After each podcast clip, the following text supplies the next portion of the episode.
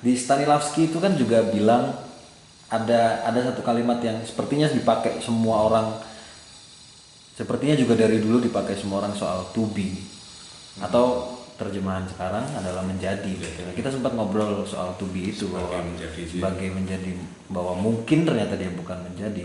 Sebenarnya pemahaman to be itu kayak gimana sih?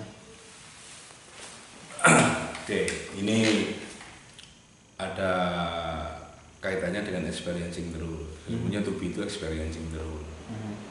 Yang kita pahami, to be itu sebagai representational acting. Tapi sungguhnya experiencing the rule. Jadi ini paradox of acting dalam Stanislavski selalu ada paradox. iya. Paradoksnya ada dua itu, experiencing the rule sama uh, acting representatif ya.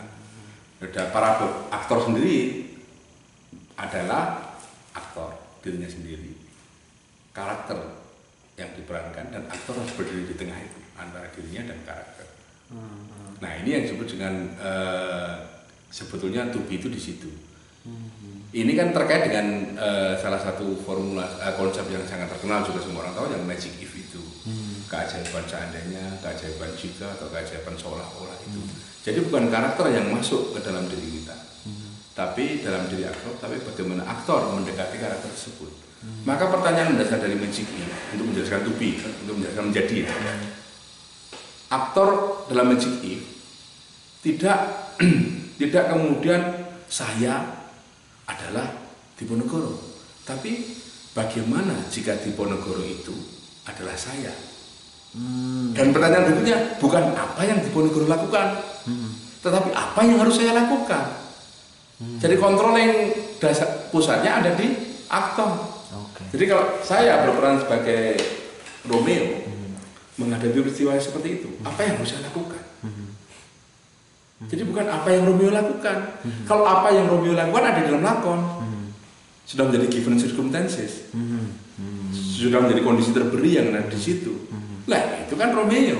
Tapi kalau saya sebagai Romeo, apa yang saya laku- lakukan sebagai Romeo? Itu magic if, itu to be. Oleh karena itu setelah Adler menjelaskan dalam pelajarannya bahwa karakter itu tidak masuk ke dalam diri kita, kita tidak menjadi karakter itu. Karakter selalu ada di depan kita. Kita selalu berusaha mengejar karakter tersebut. Kita selalu berusaha mendekati karakter tersebut. Konsepsinya seperti itu. Apa yang saya lakukan ketika saya menjadi Romeo dalam situasi seperti itu? Berarti nggak ada istilah luruh dan utuh jadi tokoh dalam dalam Stanislavski. Luruh dan utuh itu kan mistik, esoteris. Bagaimana cara menjelaskan kita luruh dan itu? Ya, kita kan suka dengan kalimat mendayu-dayu di dalam pelajaran acting kita ini. Bagaimana itu bisa luruh? Apa kita trans kan enggak? Melting apa percampuran antara, karakter dengan pemeran itu bagaimana cara menjelaskannya kalau dalam konteks luruh itu? Maka di diagram dasar Stanislavski kalau consciousness, kesadaran yang disebut sebagai uh, subconscious, kesadaran bukan yang lain-lain. Oh, Oke. Berarti kesadaran yang dimaksud sama Stanislavski adalah kesadaran aktor bahwa dia sedang bermain sebagai Iya, ini. iya. Maka experiencing the role itu dia eh, peran-peran itu menjadi hidup karena karena dia, dia yang mengalami. Mau dijadikan apa ya terserah dia sesungguhnya. Tapi dalam konteks itu interpretasi dia terhadap karakter itu ya. Gitu. Jadi bukan karakter yang mati. Hmm, oke oke oke.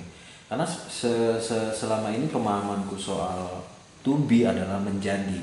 Pemahamanku Ya, soal- memang begitu. Hmm. Saya pun dulu juga begitu. Saya pikir, oh begitu ya.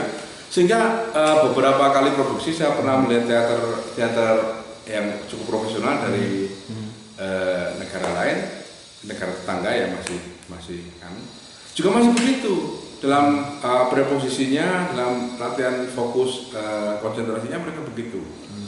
Mereka seolah-olah mencari ilham bagaimana kemudian apa tokoh yang akan kita mainkan masuk ke dalam diri kita. Lah ini kan mitos banget. Hal yang yang yang seperti kamu bilang di pertama tadi yang semestinya dihindari. Karena eh, semua semua itu kan bisa dijelaskan. Ya karena acting ini kan real, nyata. Penonton bisa melihat. Jika penonton bisa melihat, lalu kenapa proses, prosesnya harus, bermitos pria gitu loh maksudnya. Ah, Dan itu juga yang yang yang, yang ingin disampaikan Stanislavski. Hmm, Oke oke oke oke ya ya ya. Nah eh, ada satu kalimat ada satu kata di apa bukunya Bella Merlin yang yang ku baca yang kayaknya juga dia ngambil dari a Role-nya Stanislavski soal emosi sebagai byproduct, emosi sebagai emos, eh, emosi sebagai produk sampingan. Ya, set produk ya betul. Hmm, Maksudnya set produk. Ya, acting kan nggak perlu direncanakan. Hmm. Dan direncanakan itu latihan. Hmm. Oke, eh, kita mulai dari ini juga membingungkan itu. Ya, yang disebut paradoks tadi. Jadi acting itu dilatihkan untuk mencari form atau bentuk yang paling tepat. Hmm. Bentuk yang paling tepat dalam latihan lah yang disebut dengan representational acting. Hmm. Itu hanya selesai pada saat latihan. Hmm. Menurut Stanislavski. Hmm. Ketika sudah di atas panggung on stage, maka harusnya exper- experiencing the role. Karena role kamu udah dapet. Oke oke. Ah. Nah ini yang membedakan antara Coughlin dan Salvini itu. Bagi Stanislavski, Salvini experiencing the role. Hmm.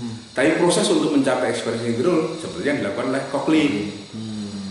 Oh paham paham paham. Jadi Hmm. gitu. Jadi eh, representational acting itu penting karena di- dilakukan oleh aktor dalam masa-masa latihan sampai benar-benar role itu dia dapat. Hmm. Artinya dia merasa oke bisa ini gitu. Saya bisa mendekati role ini dengan cara saya. Oleh karena itu setelah saya bisa mendekati role ini dengan cara saya, selanjutnya saya memainkan role itu. Ya terserah role itu mau apa. Hmm. Maka dari sini kita bisa melihat ya yang seperti yang saya uh, sampaikan beberapa waktu lalu, Batman A-nya, Batman si A dan Batman si B itu ya berbeda karena pemerannya si A dan si B, tapi tokohnya sama-sama Batman. Kira-kira begitu. Jadi stepnya adalah representasional itu dilakukan ketika latihan. Nah, ah, untuk mencapai form terbaik dari role itu. Nah, ketika pentas experience, role. sehingga kemudian muncul kesegaran. Iya, sekarang yang yang disebut Stanislavski itu here and now itu. Jika here and now yang dia lakukan oleh, oleh seorang aktor, maka rencana atau emosi itu adalah produk sampingan. Kamu bisa bayangkan bagaimana seorang aktor ini belum bermain sudah marah duluan hanya karena di adegan adegan yang akan dia sampaikan dia harus marah. Dia kan dalam bentuk emosi marah itu. Lalu bagaimana itu akan terlihat fresh. Fresh? Kan nggak mungkin. Itu sudah terbentuk sejak awal. Hmm. Itu yang dimaksudkan. Oleh karena itu dalam dalam dalam konteks ini banyak improvisasi yang mesti dilakukan dan itu diperbolehkan. Ah. Yang mengembangkan itu eh, Meissner. Meissner dalam latihannya banyak improvisasi. Ya bagaimana orang mau segar, bagaimana orang mau menghidupkan peran itu dengan cara dia kalau nggak ada improvisasi. Hmm. Oke. Dalam konteks tindak tanduk ya, aksi dalam konteks aksi.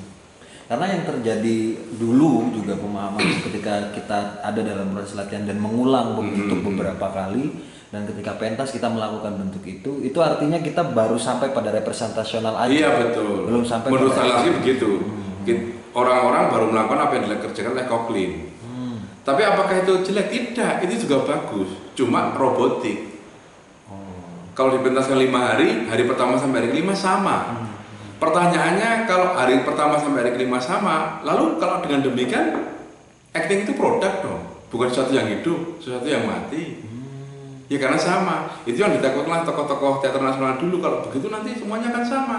Ya karena dia pikirnya itu sebagai produk, bukan sebagai proses. Oke. Jadi ketika dia saya sudah dapatkan baju ya, saya ingin membeli baju. Ah, baju yang saya dapatkan yang saya pakai itu disebut dengan representasional.